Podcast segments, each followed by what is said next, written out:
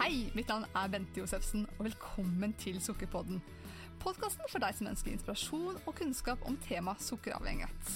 Vi vil også vise deg ulike sider ved avhengighet, og hvordan det her henger sammen. I denne podkasten vil det komme ulike gjester som hjelper oss å belyse dette viktige temaet.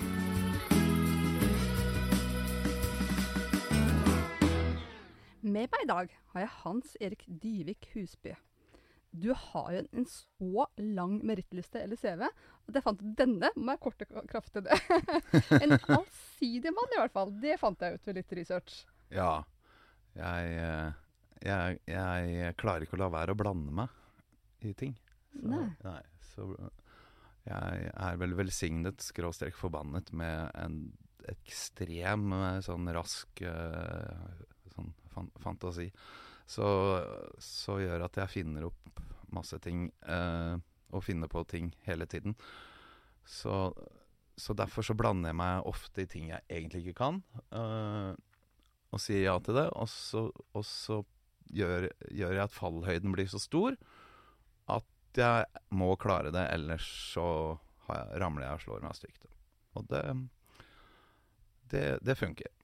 Ja, Ja. det hadde ledet deg inn på mange spennende spor, tenker jeg. Ja. Og for de som eventuelt måtte tenke hvem er nå han Hans Erik Jan, så har du jo vært vokalist i Turboneger. Mhm. Og du har turnert verden rundt. Mhm. I, nå har du jo gått over som soloartist og er straks klar med din andre plate. Mm. Stemmer det? Ja. Ja. Og du har jo også spilt på Det Norske Teater, Jesus Christ Superstar. Og jeg tror du redda hele teatret. Jeg skjønte at det Eh, ifølge den hundreårsboka uh, så, så står det visst at en uh, narkoman punkrocker redda uh, teatret fra dundrende konkurs og statlig overtakelse til ja, en 15-20 mille overskudd. Og, og eh, det passa jo bra til stykket, da. At det var Jesus som kom. Jesus kom med redningen. ja. Gjør ofte det, har jeg Ja. hørt. Ja. og så har du også spilt en del i Sverige. Du kan jo kanskje fortelle litt mer om det selv? Ja. Uh, ja, det er egentlig ganske rett etter Jesus Christ Superstar så flytta jeg over til Sverige og begynte å spille inn fil filmen om Cornelis Vresvik. Uh, og jeg spilte Cornelis. Og uh, den filmen eh, eh, går, ruller og går eh, her og der. Og, og har liksom ikke tapt så sånn mye interesse. Eh, den ligger på Netflix nå, og det ble lagt ut der, for det er ti år siden den ble laga. Ja. så har jeg gjort masse sånn reality-TV-ting. Dommer i Idol. Jeg har vært, vært med i Masterchef to runder. En sånn vanlig kjendisrunde, og en hvor jeg måtte konkurrere mot, mot matbloggere. Jeg havna i finalene i begge rundene, og så har jeg hatt litt sånn mat-TV-ting. Og, og og så har jeg gjort en god del roller ved teaterscenen i Sverige òg, da. Det, det siste var faktisk opera, da. Fikk jeg lære meg å synge Mozarts 'Tryllefløyten'. Og når de spurte meg om jeg kunne synge en opera, så tenkte jeg det er så sjukt at da skal jeg være så sjuk i huet og svare ja. ja, så, det var en helt logisk kobling mot, fra Turboneger da, til opera. Det var jo Ja.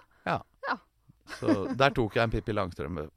Det, det er en helt eh, ny og tilnærmet umulig oppgave, så det klarer jeg helt sikkert. ja og, og det har gått bra. Ja, Ja, fantastisk. det, det gikk veldig bra. Som jeg sa innledningsvis, allsidig mann. Ja. Ja. Rett Mm. og slett. Ja. Imponerende, Hans Erik. Takk. Og bakgrunnen for at jeg har invitert deg i dag til, til Sukkerpodden, er fordi vi belyser ulike sider ved dette med, med avhengighet. Mm. Og der har du litt historikk. Ja, altså Det er jo en ganske kjent sak at jeg har hatt et, et, et tungt uh, narkotikaproblem. Og, og, og søkk og snøre 24 år på opioider. Og ja, siste, siste, halv, siste halvparten av det var på da eh, offentlig, eh, offentlig medisinering, det som kalles LAR, legemiddelassistert rehabilitering. Så, øh, så øh, gikk jeg på eget initiativ ut av det, og, og, og begynte å skulle liksom øh, Ja, se om det gikk an uten å være på en så sterk medi medisinering, da. Og, øh, og det gjorde jeg i 2009 for å være klar til Jesus Christ Superstar. Og så har jeg da oppdaget en god del sider med meg selv um, i, ja, i løpet av de ti årene uh, som, som er både interessante og som kanskje kan være nyttige, nyttige å fortelle om til lytterne på denne Mm. poden, og deg i ditt arbeid. Så en god del erfaringer med det å Det å bli avhengig av noe, eh, det har jeg. Og det er jo og det, og det er et mye større bilde enn bare at man er avhengig av et kjemisk ekstremt vanedannende stoff, da. Så, altså, det er den uh, Ja, den uh, mer åndelige og mentale avhengigheten har jeg oppdaga er mye, mye, mye tyng, tyngre og, og mer langvarig eh, problem, som er en som må håndteres med livsferdigheter som er ferskvare. Det må, det må gjentas. Og, og påmi- man på, påminne seg sjøl, og, og så videre og så videre. Så, så jeg, jeg har vel opplevd på kroppen da min avhengighetspersonlighet både på det mest ekstreme, dødelige som, som det er å være avhengig av, av eh, opioider, til det å ja, ikke klare å, ikke klare å slå av mobilen, liksom. Eh, Det Mm. ja, det er to, to eh, ekstremer, da, egentlig.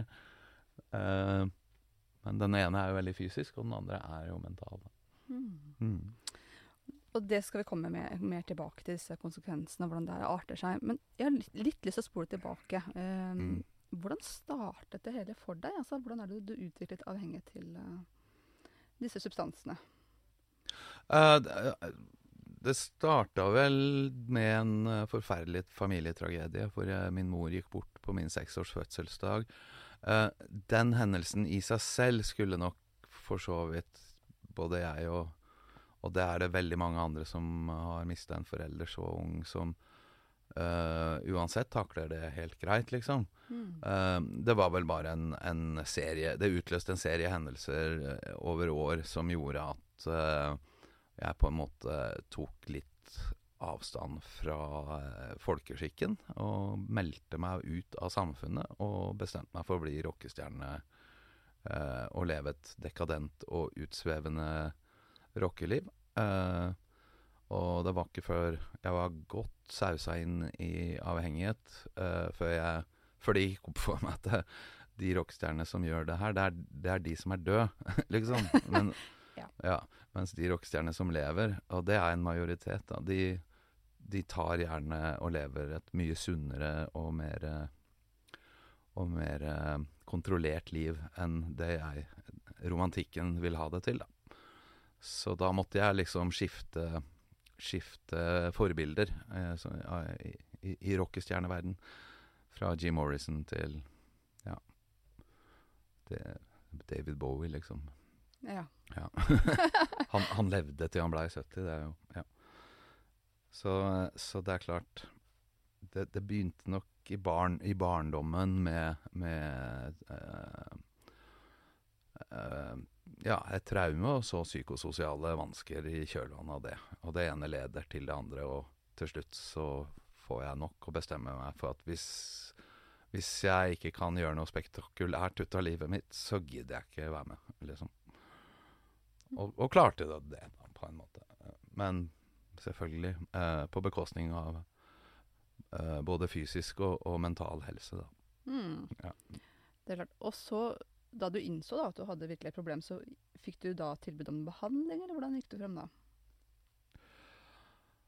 Altså, jeg kontakta jo da det offentlige i, i forhold til mitt rusmisbruk på, på eh, midten av 90-tallet. Og da var jo ikke det så mye Det var ikke så mye de kunne gjøre for meg da, egentlig. For jeg var for ung. År ung, faktisk. Ja, til å få LAR, eller MAR som det het på den tiden.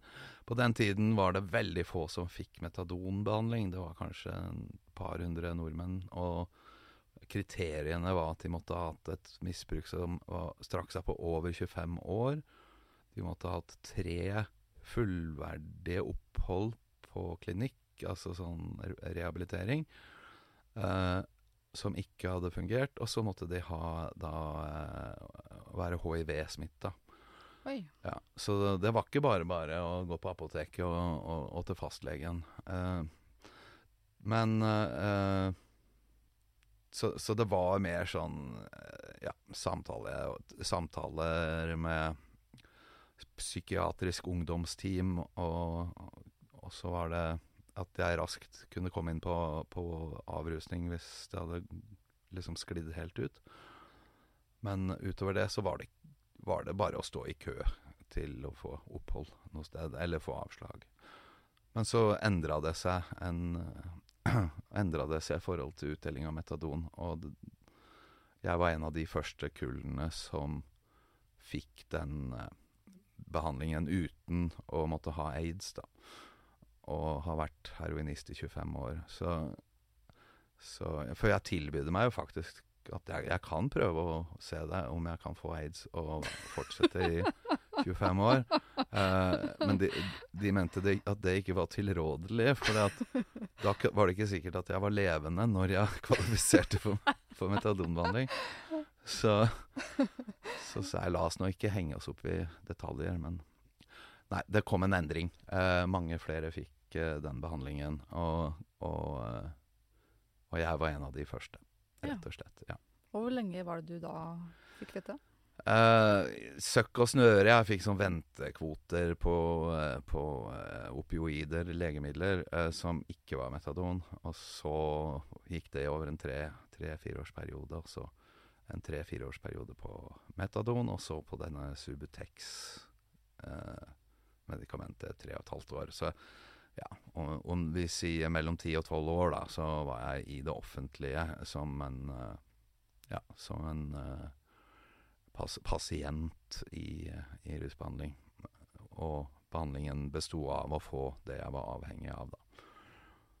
Så Men det, det hindra spesielt meg, da, i og med at jeg reiste så mye eh, jorda rundt og sånn. Det var ekkelt å liksom skulle gjøre en verdensturné med med 34 konserter på 40 dager, eh, og dra liksom gjennom hele USA og Australia, og, altså, og så ha en koffert da med, med de eh, medikamentene, og selvfølgelig da papirarbeid som viser at det er helt lovlig, og så eh, faren for å miste det og bli frastjålet, og den katastrofen det ville innebære, og det at en sånn medisinering er veldig, veldig tung.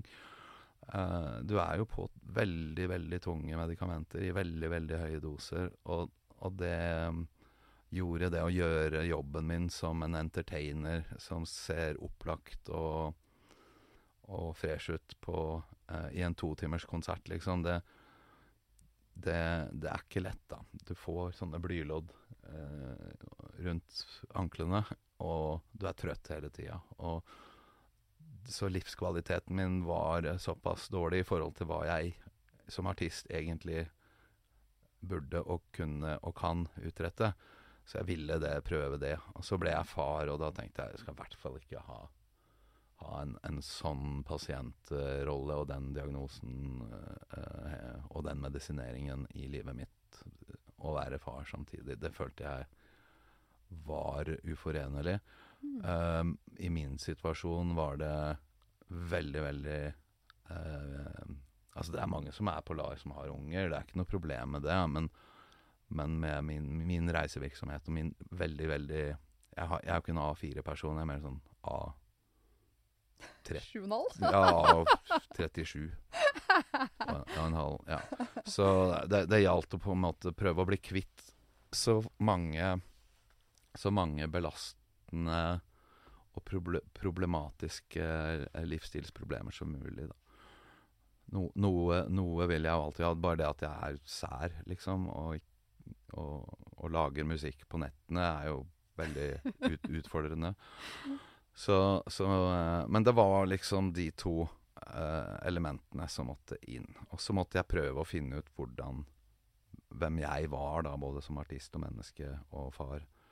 Eh, uten å ha de forpliktelsene uh, som eh, Turboneger var, og, og, og, og liksom delta i et, et så stort apparat med så mange forpliktelser. Så jeg måtte på en måte starte på null, da. Og det gjorde jeg. Og blei både klokere og, og lærte ting jeg kan bli klokere på. Men hvem fant du da? Hvem, hvem jeg fant Ja. Uh, jeg Ja, nei, altså jeg er en sånn fyr som mått, Som ganske raskt begynte å trene på uh, å møte Å møte et menneske jeg ikke er helt fortrolig med, og det er meg sjøl i døra. Mm. Uh, så så det jeg har gjort, vil jeg nesten kalle ånd, sånn åndelig og mental ekstremsport. da. Eh, for jeg ble liksom stående naken foran, foran meg sjøl i speilet. Og veldig mye av det har, handla om å rett og slett bli venn, bli venn med meg sjøl. Og, og ikke søke eh, Søke lindring eller flukt fra meg selv eh, ved hjelp av ting utenfor meg, men at jeg på en måte har gått, gått inn i meg selv. Og, og på en måte prøve Jeg må rydde opp inni der før jeg kan liksom sø, søke lykken der ute, tenker jeg. Så, så, så nå har jo jeg ha, hatt veldig mye terapeutisk hjelp som har, som har hjulpet meg å få inn en god del av de mekanismene. Uh, i, så så det, det, er, det har kosta mye å trene på å møte seg sjøl i døra.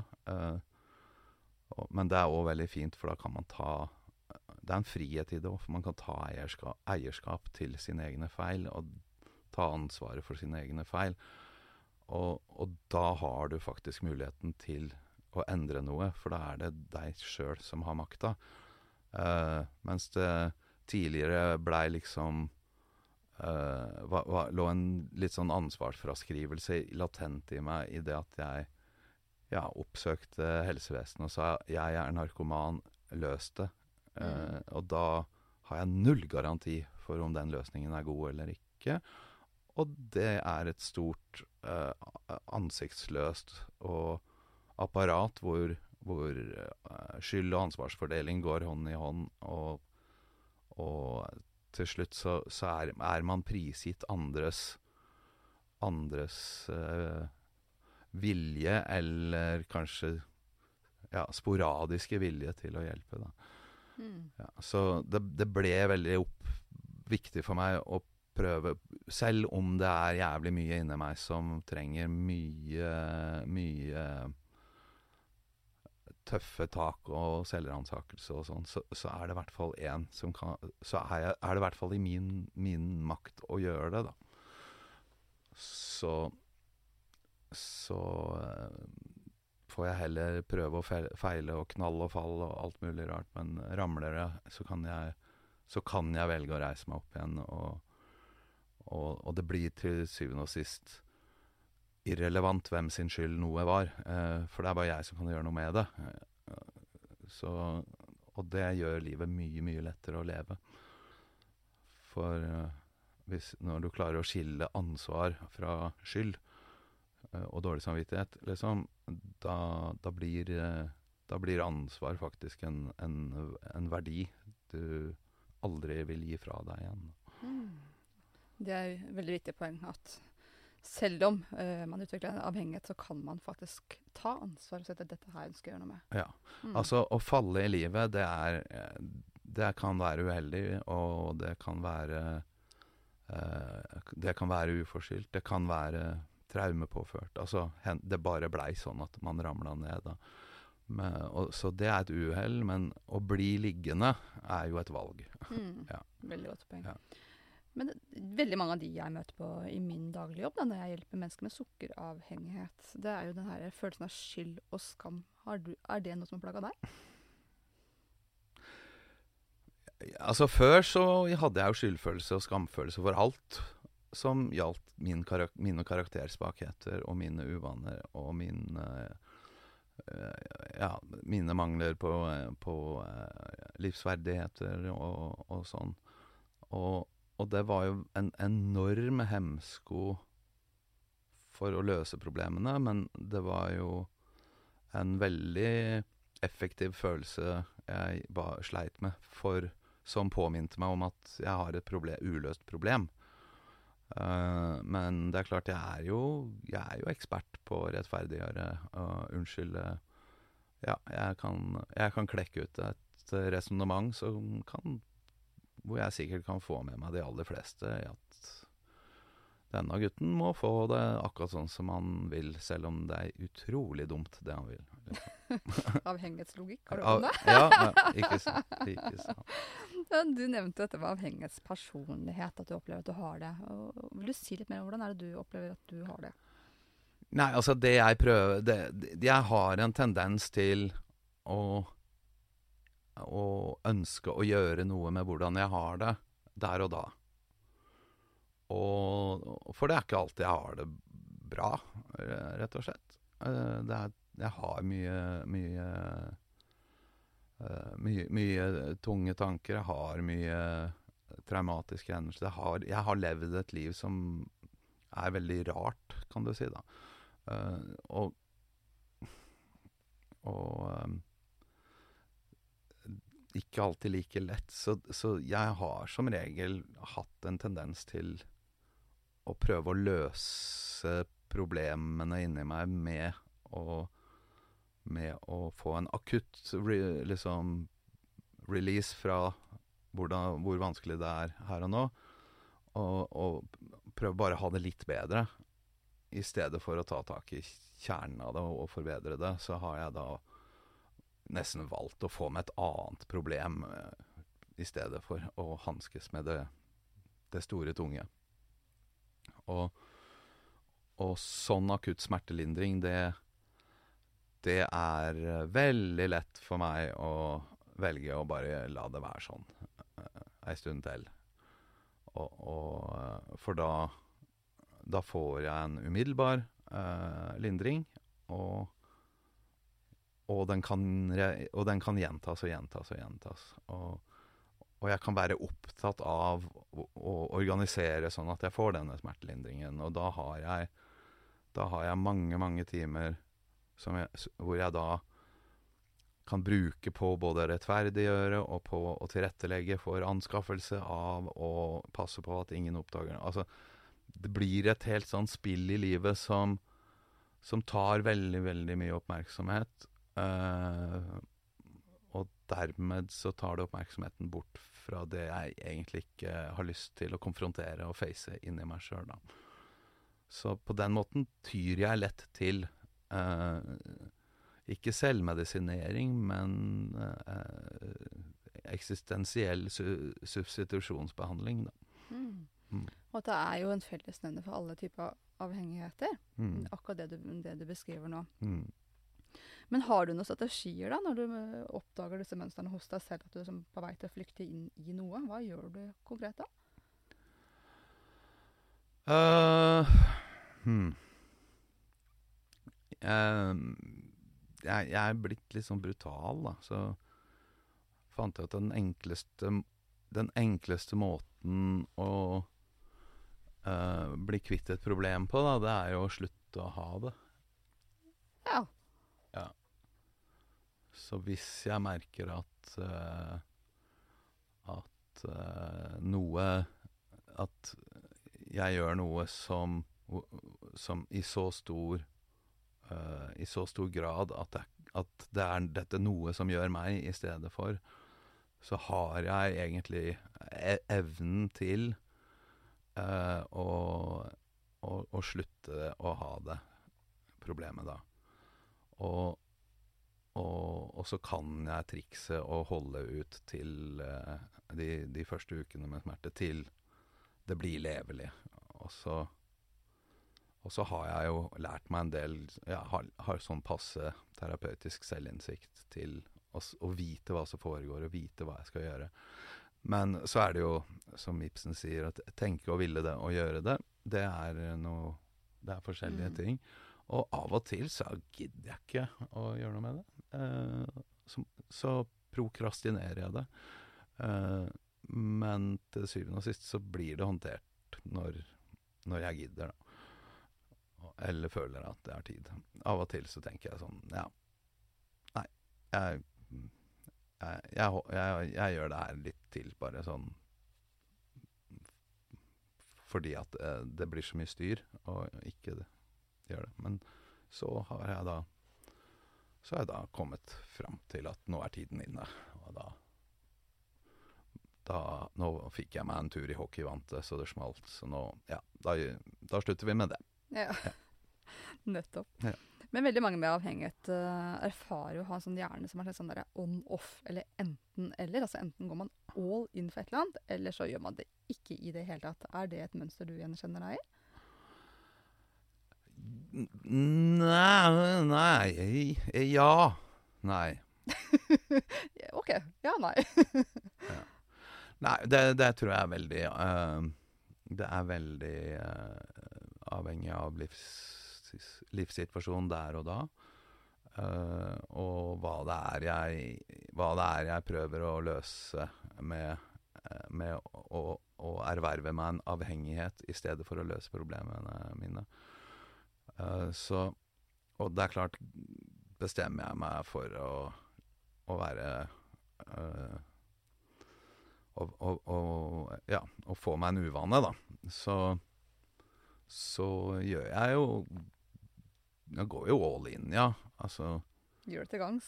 Ja, altså, skal jeg, gjøre, så, Jeg skal ha en verdensrekord i å være teit òg, liksom.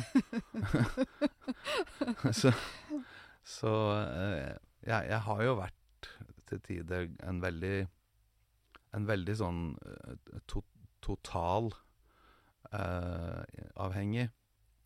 Uh, og så er det noen ting hvor jeg er total uh, Hvor jeg ikke frister skjebnen engang hvis jeg har løst problemet. At jeg bare Da er jeg totalt det, borte fra det.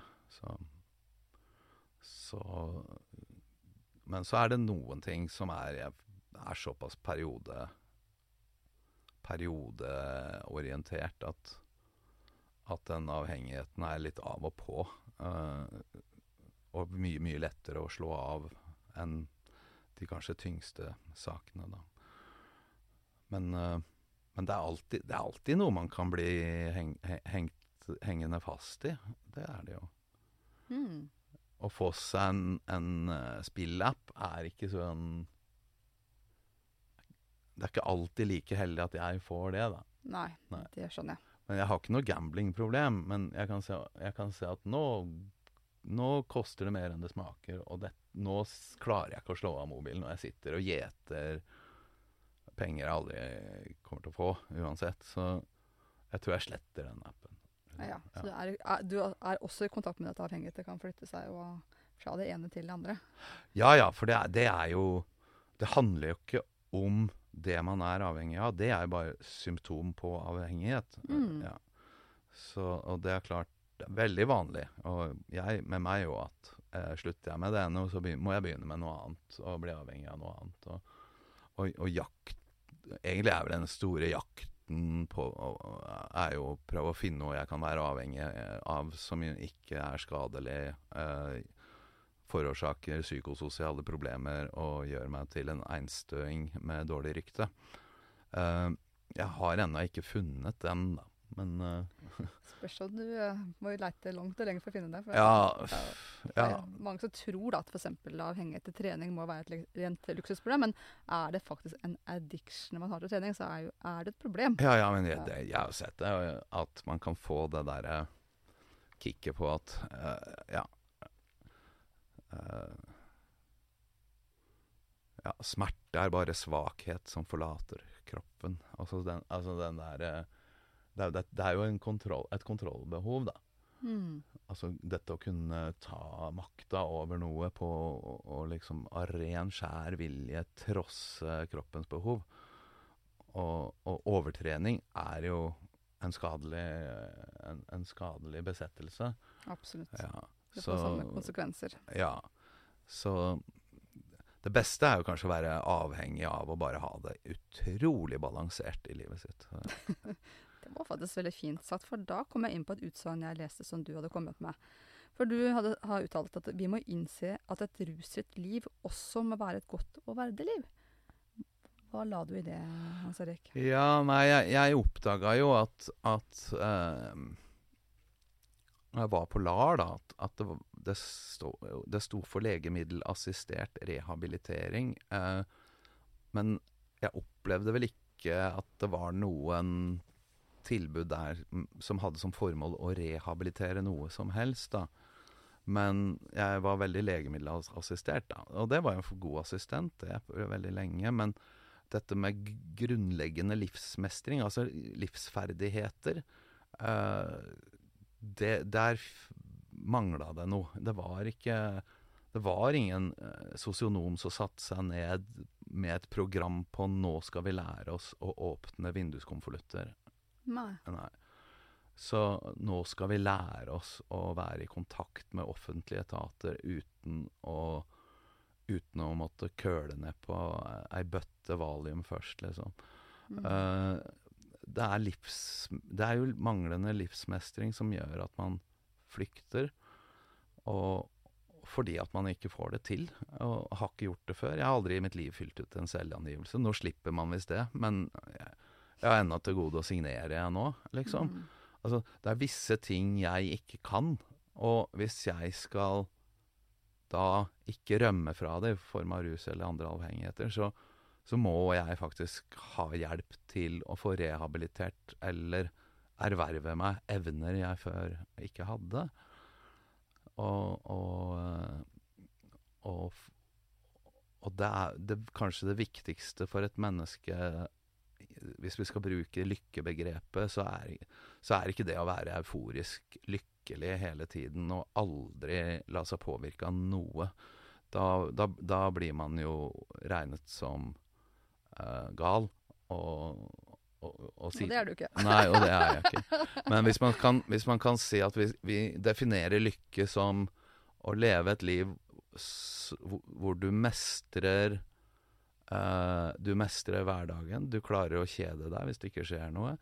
Uh, hvis det oppstår en, en, situasjon, så har du både evner og ferdigheter til å enten løse det problemet, eller vet hvor du skal henvende deg for å få hjelp til å løse problemet.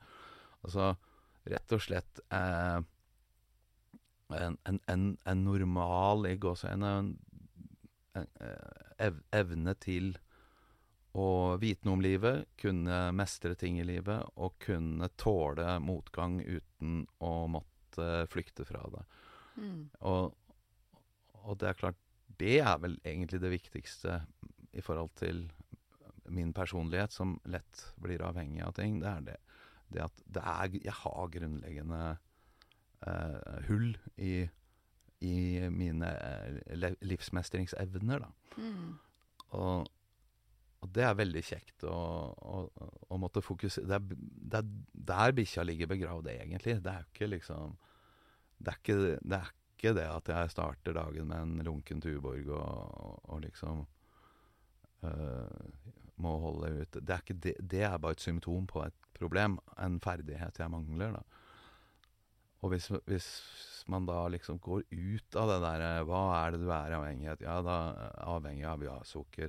Ja, men da skal vi liksom ha rituell, en rituell sukkerfordømming eh, gående til evig tid. Og så løser du ikke det grunnleggende ferdighetsproblemet. Så vil, så vil du ikke fylle livet ditt med livskvalitet som, som eh, Eh, gjør at det lønner seg å ikke være avhengig av noe. Og, og det her tror jeg mange uh, trenger å bli gjort oppmerksom på. uh, ikke bare når det gjelder avhengighet, men også eh, veldig mange i mental helse som i mentale helsesektoren som har, det her, eh, har det her, eh, denne utfordringen. da. særlig kanskje menn og i forhold til selvmordsproblematikk og sånn. at at uh, alternativet til å gjøre noe ekstremt og selvskadelig eh, fordi at man ikke holder ut livet, eh, det er ikke å bli lydig, følge reglene og holde ut livet eh, sånn som det er. For det, det, hører, det, det, høres ut som en dom, en livstidsdom i å ha det jævlig. Eh, så det man må gjøre, da, det er jo å å fylle det vakuumet der, der du før fylte det med det du var avhengig av. Da.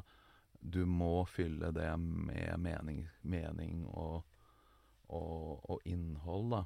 Som gjør at du rett og slett føler at du mestrer noe. For, for lykke for et menneske er ikke å være, å være si, sånn glad på grensen til, til det psykotiske. Altså, lykken for et menneske, det er å, å, å kunne overkomme og overvinne barrierer i livet, og den frihetsfølelsen man får ved å kunne mestre en barriere, mm. det er jo det opprinnelige Det er jo den opprinnelige lystfølelsen et menneske har, og som uh, i mang, Hvis man ikke mister den evnen, da, så kan man fort ty, ty til substitu substitutter, da. Mm. Ja, for det er jo svært mange som er, er, aktive i ulike avhengigheter, som tenker og tror da, at hvis de liksom må kutte ut det de ruser seg på, det være seg sukker, alkohol, piller eller hva det måtte være, mm. så mister de hele mening med livet og vil jo aldri kunne kose seg igjen.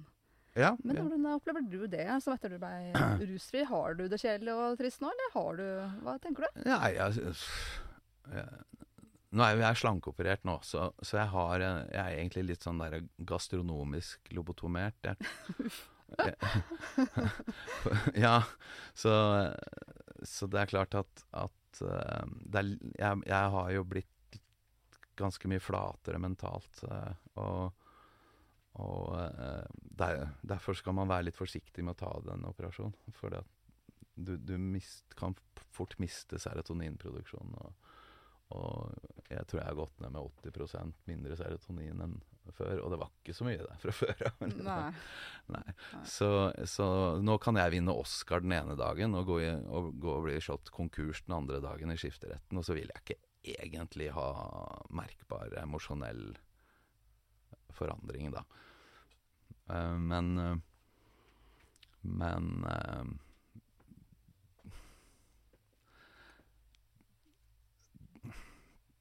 Ja. Uh, på generelt grunnlag så, så, er det sånn at hvis du ikke kan Altså for meg det, Jeg gikk lenge og, og, og beholdt uh, et misbruk og, og, og, faktisk med vilje ikke gadd å løse det fordi at jeg, jeg hadde ikke noen idé om hva jeg, skulle, hva, hva jeg skulle fylle livet med da i stedet for.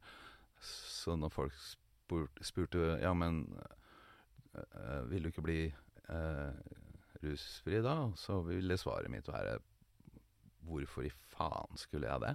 Ja. Å sitte, sitte, fast i livet mitt uh, sånn som det er, og gi, ta fra meg den smertelindringen som rus er, og bytte det ut med å sitte og ha det jævlig foran TV-en. Jeg da valgte på, i lange perioder å, å, tenke at hvis jeg ikke har noe mål å sikte mot, noe som er larger than life, og mm. verdt å løse avhengigheten sin for å kunne mestre uh, Hvis jeg ikke har det, så, så er det ikke noe vits.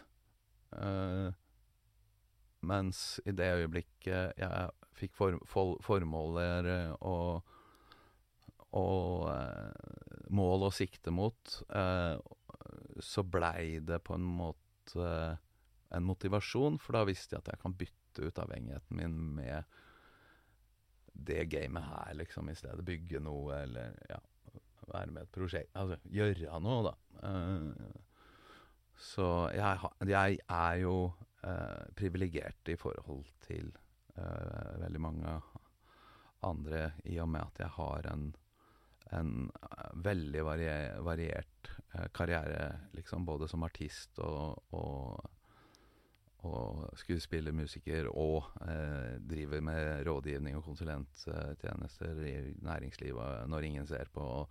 Og, så er det ikke det ene, så er det det andre. Så jeg kan ikke liksom jeg kan ikke liksom gå foran med et godt eksempel og si ja, bli multikunstner, rockstjerne, skuespiller, du, så, så, skal du nok se det ordner seg. uh, for den muligheten er det jo ikke alle som har. Absolutt. Så, så, så uh, når, man, når man sier 'skal du tenke positivt' og sånn, så, det, så, så, sier man ja, du kan gjøre og bli hva du vil, i stedet for uh, Da tror jeg man må tolke det litt grann, basert på at tyngdekraft Tyngdeloven holder oss på bakken, f.eks. Ja. du må gjøre uansett. Du må være på jordens overflate. Eh, så noen enkle kjensgjerninger er det, men innafor de rammene du, hvis, hvis, du klarer å bare definere hva rammene er, hvor, og hvor Så hva, hva er rammene nå?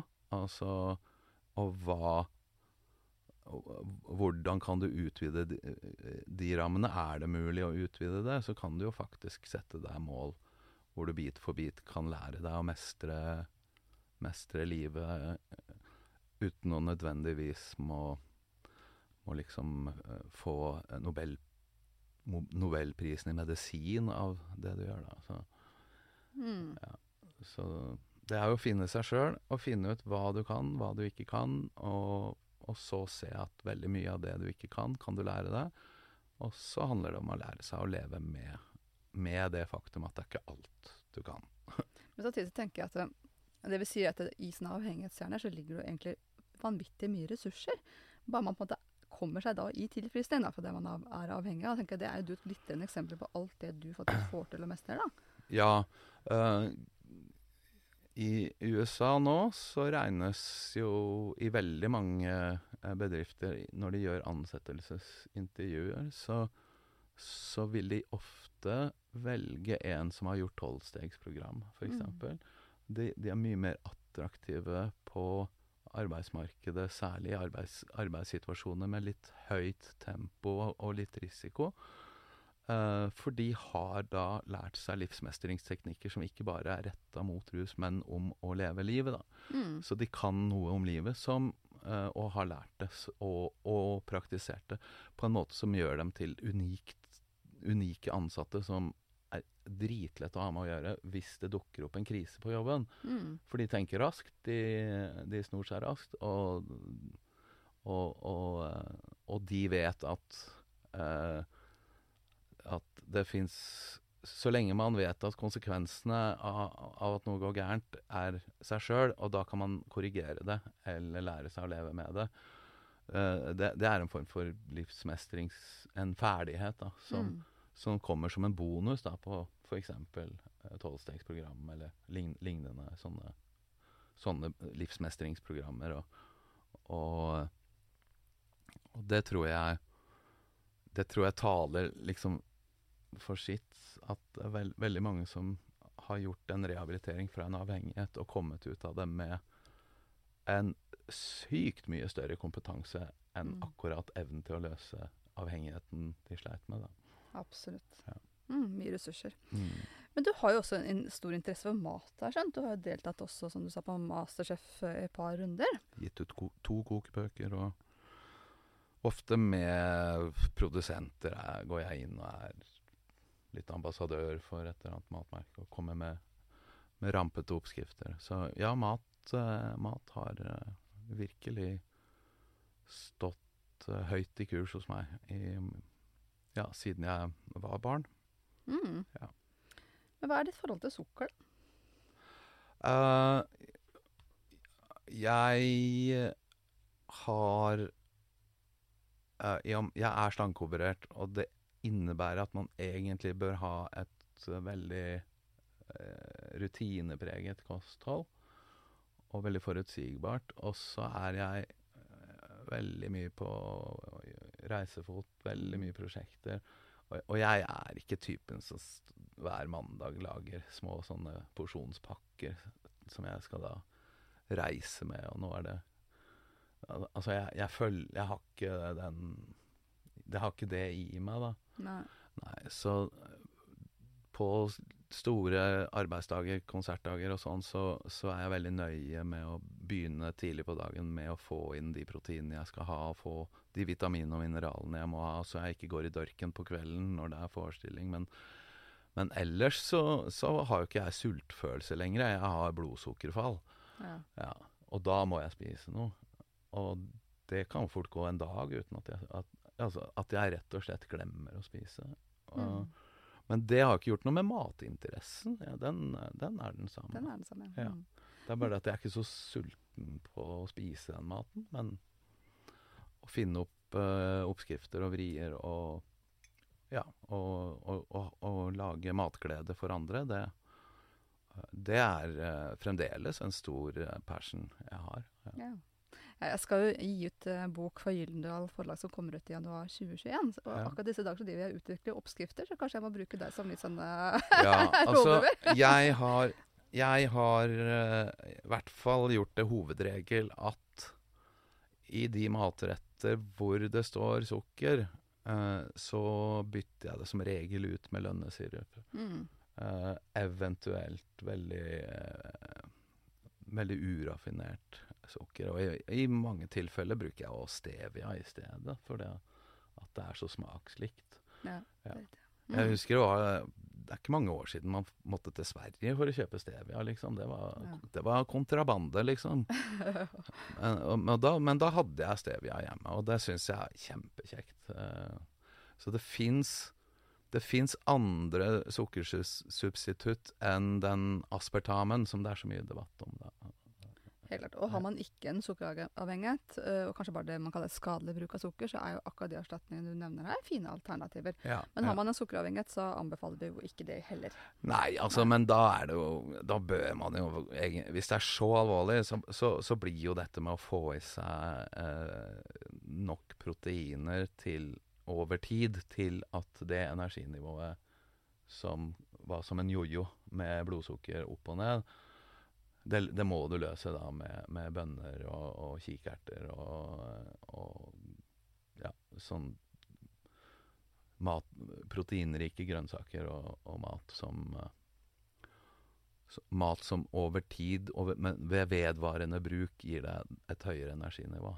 Ja, altså vi- finner jo alternativer skreddersy, for det er ikke sånn at one size fits all, da. Det er det jo ikke. Nei. Så men jeg bare litt før vi avrunder, så hadde jeg bare lyst til å komme kort inn på dette at eh, du, som du sier, du er slankeoperert. Um, Ja. Og det var jo, altså du hadde jo uh, 70 pustestopp i timen, uh, skjønte jeg, og var jo oppe i 170 kilo. Mm. Hvordan havna du der? Uh, det, det var nok det at jeg gikk ut av den avhengigheten til, eh, til LAR, metadon Subutex. Så, så ha, hadde jeg jo en kropp som sto i en sånn alarmberedskap, basert på det faktum at av og til når jeg var sånn ordentlig på kjøret, så, så, så tok jeg ikke til meg næring. Sånn at enhver en, enhver periode i livet mitt hvor jeg hvor jeg kanskje roa det ned og fikk i meg litt mat, og sånn, så, så ble, var kroppen veldig klar for å lagre dette eh, helt eh, basert på erfaringen med at plutselig så kan det gå tre uker uten at jeg får en dritt av Og, og dermed så, så så, så ble alt overskudd satte seg, liksom. Mm. Ja, jeg hadde en, en eh, hva skal jeg si, Min kropp hadde st større sånn kriseberedskap, og bedre kriseberedskap enn en nasjonen Norge har nå, da. Eh, faktisk. Ja. Uh, det er klart uh, Det var Og jeg fikk jo også en veldig god unnskyldning til å ikke tenke på å regulere det her. Uh, og det var jo det at jeg skulle bli rund og god til Cornelis Bresvik-filmen. innspillingen der. Og, og eh, da, da var det liksom et Ja, et eh, trekvart år hvor jeg ble oppmuntret til å spise. Mm. Ja. Og da fikk jeg den tillatelsen utenfra som, som avhengighets Hans Erik eh, begjærlig kunne bruke til å rettferdiggjøre overspising, da, rett og slett. Mm. Og den var og Når det først har begynt, så er det begrensa hvor mye man har lyst til å Begrense. begrense. du gikk ikke på oppgave med liv og lyst. Ja, altså jeg, jeg, var flink til det der å gjøre meg klar til roller hvor jeg skal spille tjukk, da. Men eh, eh, det blei eh, fort tydelig at, når, at å komme tilbake til normalen, det, den var ikke så lett. Og da pådro jeg meg rett og slett et overspisingsproblem. Og det blei så uhåndterlig jeg, for meg med å reise og spille og så mye sånn. Pluss at jeg da ble, fikk påvist en uh, søvnapné. Mm. Og den søvnapneen eh, hang eh, veldig nøye sammen med at jeg våkna på nettene og måtte ha sukker. Og jeg fikk forklart at det er rett og slett at jeg har hatt da eh, pustestopper som har vært så lange Mm. at kroppen har enten gitt meg beskjed om at jeg må tisse, eller at jeg må ha noe søtt. Bare for å få meg opp av senga, sånn at jeg, sånn at jeg får luft. Ja. Og, og den ap apné-greia, den har jeg jo liksom fått litt mer eh, kontroll på og, og mer kunnskap om. Så Så eh, det er også en det er også en eh, sykdom knytta til overvekt. da. Mm. Ja. Absolutt. Man våkner på natta med å spise egentlig fordi at det er sånn kroppen får puste, rett og Mm. slett. Så, men eh, jeg, jeg så snart at å, å løpe rundt med en C-pappmaskin eh, Det er ikke punkrock. for- Altså, jeg får det ikke Kontrast på. Så jeg lå der med Darth Vader-maske og var bare forbanna. Eh, Ja. Så ikke fikk jeg sove, og ikke fikk jeg Ja, jeg fikk puste, men jeg brukte jo hvert oksygen til å produsere tanker om hvordan jeg skulle liksom få jorda til å styrte i sola. Og da var det bare ett alternativ, og det var å fjerne den 50 kilos melsekken som lå på brystkassa mi, sånn at jeg i hvert fall kunne puste bedre, da. Mm. Ja. Og nå er jo, nå er jo da magesekken bet betydelig redusert, og, og det er kobla om, liksom. Det er noen som har vært og, og, og skjært i stykker magen min. Uh, og det er en haug med nye fenomener som oppstår. Mm. Og der er det så individuelt at det fins ingen mal. Nei. Nei. Så jeg, jeg fikk beskjed av legen at det, det meste er umulig for meg å spå hva du, hva du vil oppleve. For det kan være noe som aldri har skjedd før, som er relatert til operasjon. Som vi ikke er klar over. Det kan oppstå, og det skjer. Mm. Ja.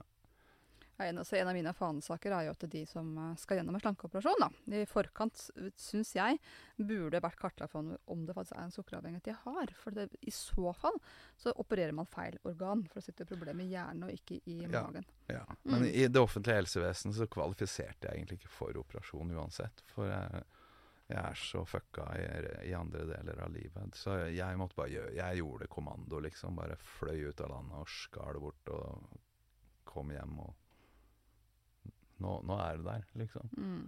Så jeg har ikke den derre Den grundige, evidensbaserte oppfølgingen. Det Den øh, føler jeg jeg, det, jeg er litt sånn ad hoc, da.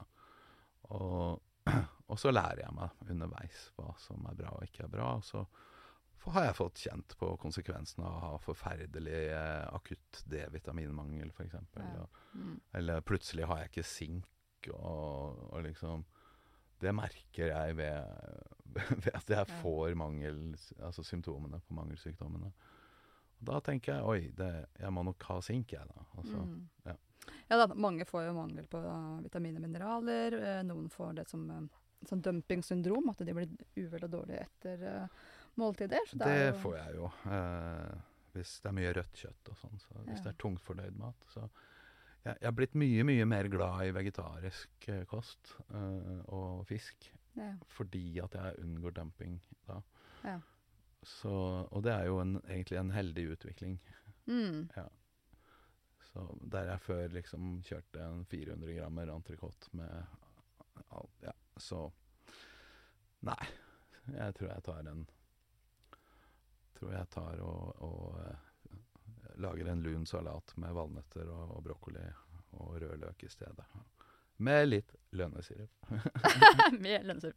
Vi, har- vi har litt mer vi kan snakke om etter vi skrur av mikken, tror jeg. Ja, litt om blodsukker og sånn.